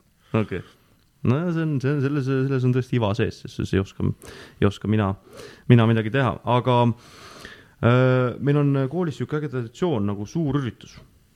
et äh, ja ma tean, et sina nii-öelda oled seal osa võtnud tean, et see aasta käisid sa laval, ma küll ise seda ei näinud, aga info, info on rääkinud. ja, ja eelmine aasta sa olid ka siis videos olemas, et, et kas sulle siis tõesti nagu meeldib see nii-öelda suurüritusel esinemine ja, ja laval tantsimine ning ma ei tea, laulmine või hundi, hundiratta tegemine, et? ma, ma ei tunne laval olles mingit pinget, selles mm -hmm. mõttes, et äh, mul on nagu väga lihtne see välja tulla natukene äh, natukene no lollitada, ma võin seda niimoodi nimetada. muidugi, muidugi võib seda nii nimetada. sest ega, ega sportlased käivad täpselt samamoodi lava peal ja täpselt samamoodi vabalt ennast tunnevad ja mina treenerina äh, peaksingi olema see ka teejuht ja näitama, et kuulge, et äh, siin ei ole mitte midagi halba, et ma mm -hmm. täpselt teen sama, samasuguseid asju ja et see on nagu ju tegelikult väga äge, väga äge üritus ja väga äge emotsioon, mida nemad kingivad äh, sulle kui publikule ja mida sina saad neile kui publikule anda. aga, aga kas sa teeksid veel seda? nii-öelda suurürituse esinemist näiteks järgmisel aastal, ülejärgmisel aastal? mul ei ole probleemi. selge, Jaana. Jaana, Jaana, meie kallis huvijuht, võtab kindlasti seda kuulda ja järgmine aasta mõtleme sulle mingi hea peaosa välja ma olen tegelikult äh, ma olen äh, ka siis oma esimeses koolis äh, hästi palju esinenud uh -huh. lava peal ja äh, alguses ma olin laulukooris üldse, siis äh, kuuenda klassini ainukene poiss siis ma seal lõpetasin ja, ja oligi ja siis äh, seal lõpetasin, siis ma paar korda pidin laulma mingi vilistlaste eest äh, mikrofoni nagu mm -hmm. täitsa soolot ja kuigi lauluhääl on ära läinud, aga see esinemissoov nagu, kartus, kartus ei ole, ei ole nagu tulnud. et äh, ma tunnen ennast hästi vabalt ja jah, et ei ole mingit probleemi no aga ma arvan, et ega see lauluhääle saaks ka tagasi selles suhtes, kui natukene harjutada. et, et Jaana, siin on järgmine idee, et järgmine aasta ju noh, võib ju mikrofoni kätte anda ei, ei, ma seekord, seekord ma ei hakka kedagi piinama veel oma laulmisega piinama lausa, ei ma ei usu, et see, ma arvan, et see on väga ilus. No ega Reti laulmises hullem ei saa olla. Ei no minu, mina, mina olen ka väga ilusa lauluhäälega. laululinnukene nagu ma olen. Äh, sa rääkisid, et sul on Playstation viis ja et on olnud kolm ja neli, et mida, mida sa üleüldse vabal ajal teed? Peale trenni, trennid on. Uh,? Praegu teen remonti oh, see on väga hea ajaviide, ma ütleks äh, näiteks eile panin poole kolmeni voodi kokku kas, kas sul on, kas, mis seda moodi või seda mööblibrändi sa eelistad, kas sulle meeldib IKEA-st osta või, või on sul mingi uhkem, uhkem eelistus? mööblimaja. mööblimaja, aa, vot ja, ja seda kohta ma tean. tee mööblimaja et ma mõtlengi, et see, selle IKEA mööbli kokkupanekuga on igasuguseid neid mingeid naljalugusid, et, et ma mõtlesin, äkki sul on ka tead ei äh,, ja... IKEA on viimasel ajal nii kalliks läinud, et ah,, okay. et ei, ei jaksa seda kallist mööblit osta, et ja tegelikult äh, ausalt öeldes, ta on igasugune mööbel on raske kokku panna, eriti mul tuli kuus karpi mingit pisidetaile täis. mitte midagi aru ei saa. jaa, ma eile panin, mul on nii-öelda see voodi, kus on pesukastid all ka, tulevad välja, siis ma panin, hakkasin kokku panema juba peaaegu kogu karkass on tehtud, siis vaatasin ah, valesti, lahti, kõik asjad lahti, ma arvan, naabrid kuulsid, kus ma seal kruvikeerajaga öösel käin, mõtlesin, küll ropendasid minu peale. aga ei, sai, sai tehtud ja, ja, ja. jah, ja nüüd on ilus, ilus mõnus suur voodi ja. just. mis on siis järgmine projekt äh,? kapp. kapp, kas see tuleb täna öösel või? ei. homme? see tuleb äh, peale, peale aastavahetust, järgmisel aastal okay et väike paus nüüd on vaja remondist sisse võtta. ikka, ikka puh-, puhata. ei, tegelikult järgmine projekt on uste värvimine ah,. Okay. aga et sul on siis mingi, ütleme nüüd ikka suurem remondiprojekt käsil, ma saan aru? jaa, ma tegelikult äh, täiesti ümber korraldan siis kogu, kogu korterit, et mul on kõik toad, magamistuba, elu, magamistoad, elutuba on ümber tehtud, nüüd on mm -hmm. siis äh, seal noh, niisugune laed ja kõik asjad vahepeal korda teha. okei okay see, ei, see on väga äge. mulle isiklikult väga meeldib see remondi tegemine, minu arust see on niisugune mõnus nagu rahustav tegevus. kui, kuidas kui sul kas... kõik õnnestub aga see, et kui siis öösel pool kolm pead voodid kokku panema. ei, see kokkupanemine on üks asi, kui sa pead lahti võtma seda, mis sa oled juba tund aega just kokku pannud ja siis see on nagu see raskem äh,. ei äh,, ta on küll äh, sihuke, kui sa saad äh,, ma ei tea, seinte värvimine, väga rahustav mm. -hmm kus äh, mulle meeldib niisugune töö, mida sa näed, mida sa teed, et äh, mis nagu, mille jah, just, mul on mille tulemus on ja, kohe just, näha, et kui sa teed, et ma ütlen, mingit pisitööd, kus sa nagu ei näe, et asi läheb, et asi mm. liigub, tundub, et sa jäid toppama lihtsalt ühe asja peale, et sellega mm -hmm. nagu ei taha ka tegeleda mm. -hmm. ja, ja mul, mul on täpselt sama, et näiteks seinte värvimine on väga äge või, või lehtede riisumine, et seal ka näed, et oh, nüüd on plats roheline, ennem oli kollane jaa, aga sellega on nüüd äh,, miks mulle näiteks, miks ma ei taha majas elada, see on just see lehtede riisumine. see ei paku pinget, jah just pakub pinget sest ma riisun need ära ja hommikul need jälle maas, kõik uued. mõtled, mille jaoks. saab uuesti riisuda pärast ei no aga mõnus töö ju. nii palju stressi ka ei ole, poisid, et stressi maandada okei arusaadav. et aga, aga mm, nii-öelda äh, peale remondi on sul mingid muud hobid ka, kinos käimine, ooper no,, ballett? ei, ooperi ballett ma pole kordagi käinud, kusjuures võib, võib kunagi see võib välja lüüa, et me ei tea.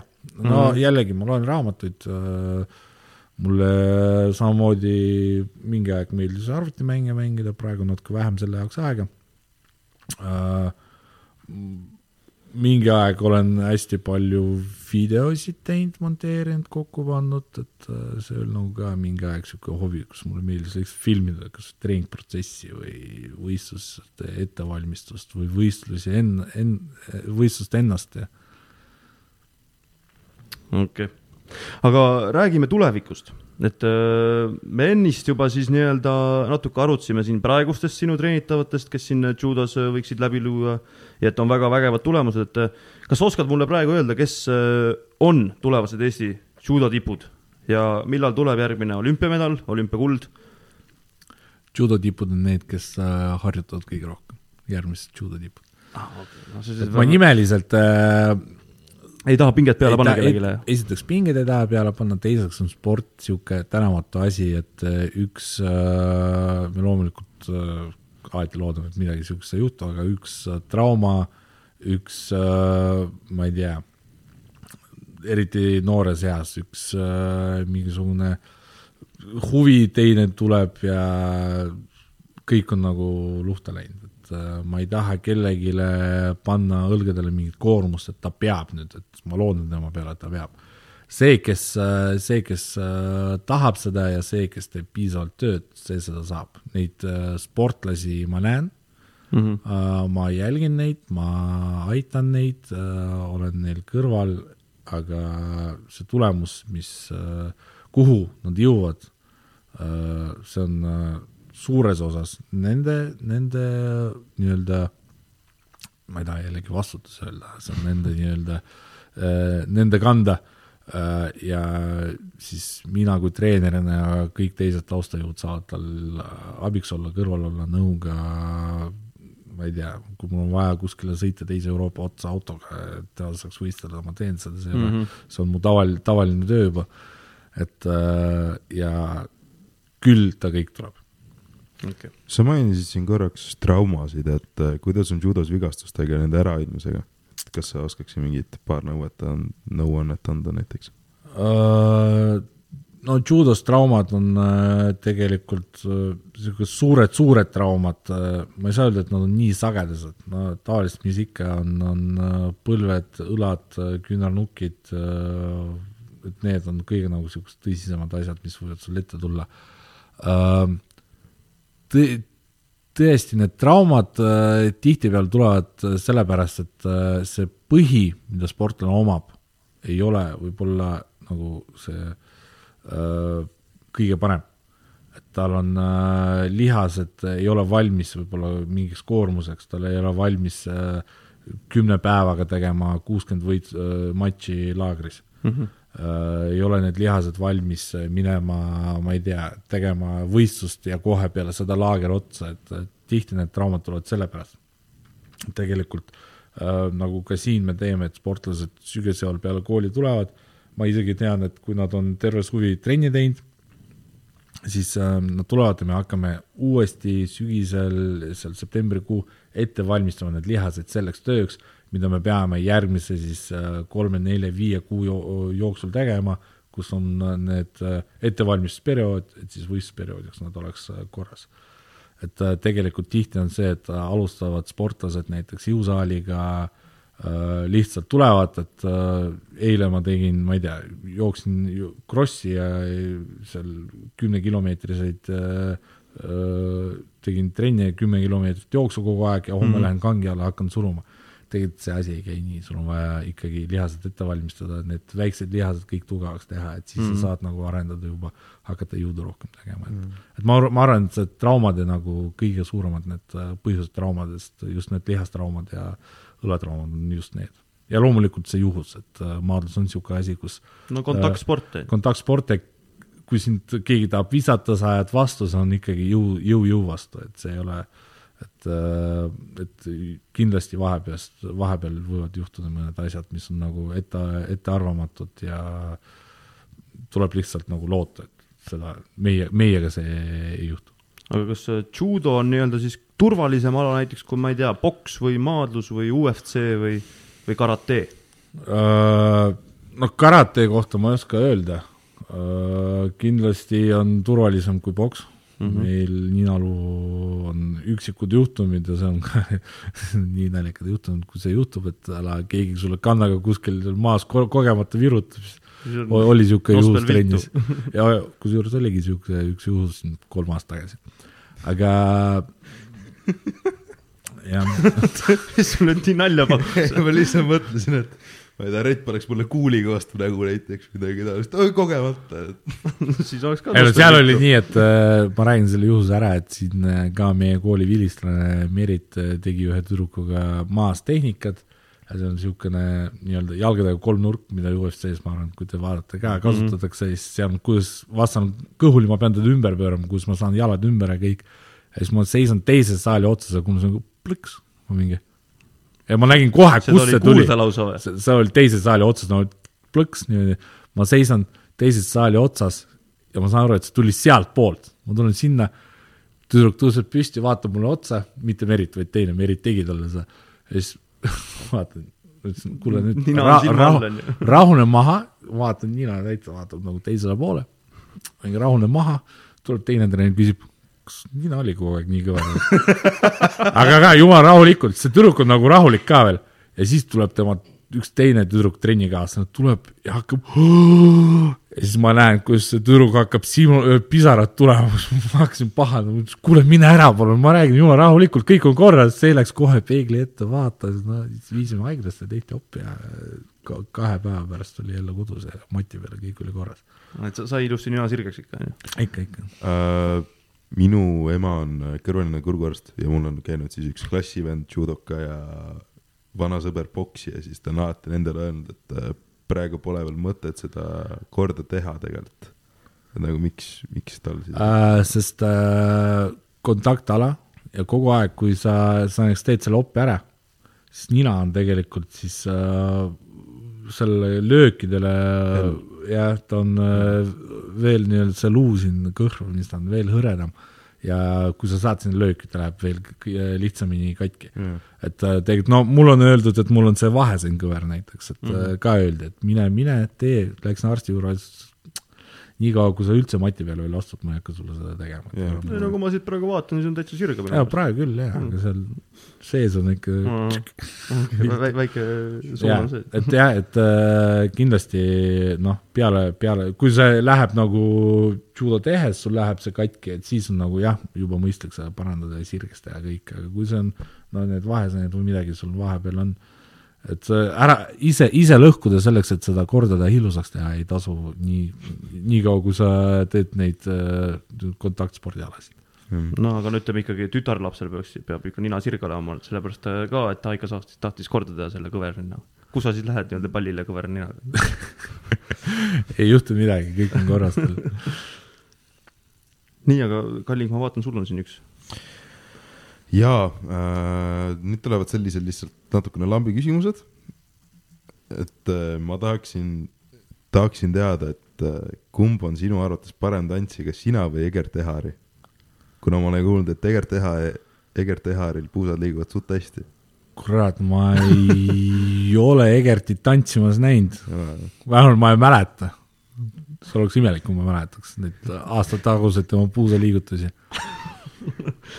aga ma arvan kindlasti heas meeleolus mina, okei, okay..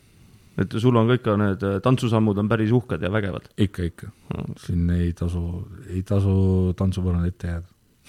andekas mees peaks mõelma, laulab, tantsib, maadleb. ei, enam ei laulnud, ainult ei, ainult ise kodus remonti Duši all? Aa, okei. ei suurüritusele ei lähe, et ikkagi tantsulõvi. see oli alles soojendus. no ma räägin, Jana, järgmine aasta sa seda meest pead kasutama, ma tulen isiklikult vaatama.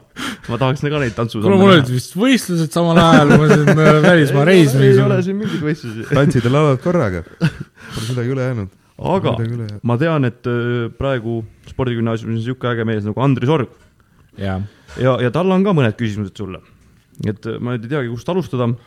võtame siit kohe esimesed. Kuidas Ukraina metroos liiklemine meeldis? Äh, Andres saab oma küsimusi. Et on kallis lõbu natukene. aga äkki sa põhjendaksid seda, mille pärast ta siis nii kalliks sulle maksma läks, kas sa võtsid mingi vipp, vipp selle tooli endale seal või, või? ei, mul olid ikka need esirea se-, seisukohad, et äh, täpselt need jäin vargad, vargadele ette. aa, et ja siis äh,, mis seal siis juhtus täpsemalt? ei no seisime metroos oli ikka nagu palju inimesi ja väga huvitav, et mul oli rahakott sise, jope sisetaskus, kus oli kõik äh, me käisime Ukrainas täpselt enne, ma arvan, ta oli veebruari algus, see oli siis paar nädalat enne sõja algust mm. -hmm. ja seisin metroos, me sõitsime siis nii-öelda Kiievist äh,, Kiievi kesklinnast sõitsime äärelinna, kus meid võetakse peale, me läheme võistlustele. ja kogu siis äh, rahakott, kogu, kogu rahasummaga, mis on siis äh, hotell, võistlusmaksud, buss äh, on siis äh, jope sisetaskus ja no ikka inimesed liiguvad ja midagi ja siis lihtsalt metroost välja tulles istusin bussi, vaatasin, et kurat, rahakotti ei ole noh. et seal tuhande, tuhande eurone, tuhande eurone umbes miinus tuli noh jõle nagu osav pika näpumees pidi olema, siis tähendab, kui sisetaskust võtab niimoodi, et sa midagi aru ei saa. absoluutselt, mitte tõsine, tõsine professionaal. ja pärast need siis kohalikud treenerid rääkisid, et ja, ja siin telefonid ja kõik asjad võivad niimoodi minna, et tuleb päris, päris ettevaatlik olla. aga Andresel on siin üks väga põnev küsimus veel ja kui ma seda küsimust nägin, siis äh, mul hakkas endal ka tõsine huvi. et kuidas oli käeraudades ühikast väljuda? oi issand. ma, ma arvan, et homme, homme, homme Andris saab ühe korraliku homme on topelttrenn. no, Andris, ära minu peale pahane ole, mina teen ainult oma tööd küsin küsimusi Õnneks, äh, õnneks äh, seda keegi ei näinud, nii et äh, kõik olid trennis samal ajal. tegelikult see ei olnud, see on natukene ebakorrektne, ebakorrektne väide, me ei, käeraudades ei läinud, ma räägin selle jut-, loo ära ka, et siis ühiselamus oli kogu aeg äh, politsei poolt korraldatud alkoholi ja narkoreidid. Äh, tõsiselt ka või? ja, ja see oli, see oli kaks korda aastas äh, vähemalt, see oli koolis ja pluss vist pisteliselt, pisteliselt tolleaegne direktor korraldas meile ka alkoholireide. et ja täpselt niimoodi oli, et keegi jättis minu toakappi vesipiibu mina ei ole seda, ma ütlen ausalt, mina ei ole seda kasutanud mm, -hmm. keegi jättis ja siis äh, ma tulen tunnist ja aasta vanemad siis judokad tulevad, ütlevad, kas sinu tuba oli, ma ei mäleta, mis ta oli, sada kuus või midagi, ma ütlesin, jaa, jaa, minu tuba. ta ütles, et kuule, et sul laua peal on siis äh, tuba, toauks on lahti ja visipiip, aga ma mäletan, ma panin selle kinni.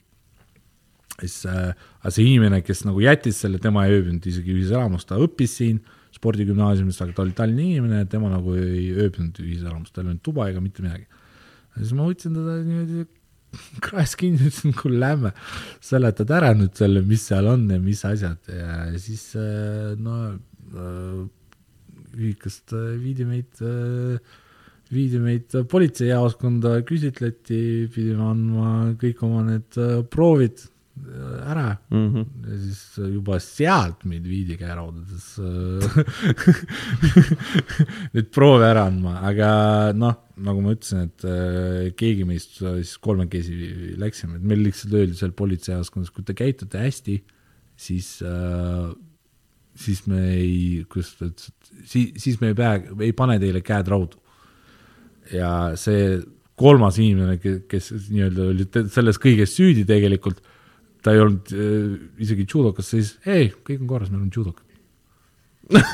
Ja siis see politseinik nagu vaatas oma sinna paarilise poole, sa tuled minuga ja paneme käed rauda aga no meid seal tegelikult oli päris sihuke, päris meid suruti, et rääkige ära ja kõike ja ma ütlesin, no mida me räägime, me ei ole mitte midagi teinud, et äh, me anname proovida ära, kui tahate, et kõik on korras. Ja siis aastaid hiljem, mingi viis aastat hiljem tuli siis paber, et äh, et ei leitud midagi, menetlus lõpetatud, temal oli viis šok. aastat hiljem? ja, ja see tuli, see paber tuli uurisid nii kaua? ja, ja, ja ema oli šokis, mis nüüd juhtus ema, lõpeta ära, see on, see on nii ammune jutt, et see oli kümnendas klassis kunagi, noh. aga jah, et, äh, et jah, et äh, oih, vabandust, et oli küll niisugune, niisugune case ja noh, nagu ma ütlen, et see on lihtsalt uh,, usaldasime inimest ja ise, ise, ise ei olnud milleski süüdi, me olime väga korralikud. Väga aga põnev lugu. Andresele Väga ei räägi rohkem mitte midagi. no jaa, Andres, no õnneks ma lähen äh, Ameerikasse tagasi, et mul ei ole midagi muretseda. ma arvan, et äh, Andrise võiks mäsakuga paari panna niimoodi, et jah, jah, see ongi, see ongi, see ongi neljapäevane treeningplaan. aga me oleme praegu siia lõpupoole jõudmas ja kõik plokid on läbitud, et meil on traditsiooniks siis tervitada ja õnne soovida ja soovilugusid. jah, sa saad siis valida näiteks, sa tahad äh, kellelegi õnne soovida, palun väga. võid laulda meile. ja võtta tantsusammud äkki ei, ma otseselt äh, laulda ega tantsusamme ei tee, ma küll äh,, meil on äh, siin lähenemas siis jõulud ja aastavahetus, et äh, ma soovin kõigile, kõigile sportlastele häid jõule, treeneritele ka, kolleegidele ja õpetajatele. Ja kindlasti võtke see aeg, et olla natukene kodus lähedastega, ärge unustage trenni tegemist, pikk, pikk äh, koolivaheaeg ja kui sa tuled, ei, ei tee kodus mitte midagi, tuled siia, siis treenerid on, ma arvan, väga pahased. et äh, ja naut-, nautige, nautige seda praegust ilma ja nautige seda koosviibimist ja kingituste andmist ja kingituste saamist. ja tegelikult äh, teile mul on ka siin väike kingitus Backupik tõi, et äh, ma tean, ma, ma näen teist, et ma olen ise suur magusasõber ja vähemalt Kallingu näost on näha, et tema on ka. muidugi. Rett ma ei tea, aga väike, väike, väike kingitus teile siis Saderitele ka, et. aitäh. et väike suu, suu magusaks. Aga mina sooviksin tänada ka sind, Dmitri, et sa tulid meile siia saatesse ja, ja tõesti oli väga põnev jutuajamine ja, ja minul oli see üle pika aja jälle podcast'i salvestamine ning sain jälle väga huvitavat ja head teada ning ning ka väga põnev lugu Ukraina metroos ja käeraudadega. mina, mina tänan sind. aitäh teile ka. mina tänaksin teid mõlemaid, et äh, äh, täna, kilus kinni korra. tänaksin Retti, et ta tuli mulle kaassaatejuhiks ja tänaksin Dmitri sind, et tulid üleüldse podcast'i. jah, et äh, oleme kaua kutsunud ja ka, lõpuks kaks korda ei õnnestunud, ma olin kogu aeg ära ja nüüd kolmanda korraga ikka, ikka väga hea meel, et äh, minu jaoks ka esimene ko kogemus podcast'iga ja väga tore, et äh, ma sain teiega nii vabalt ennast tunda.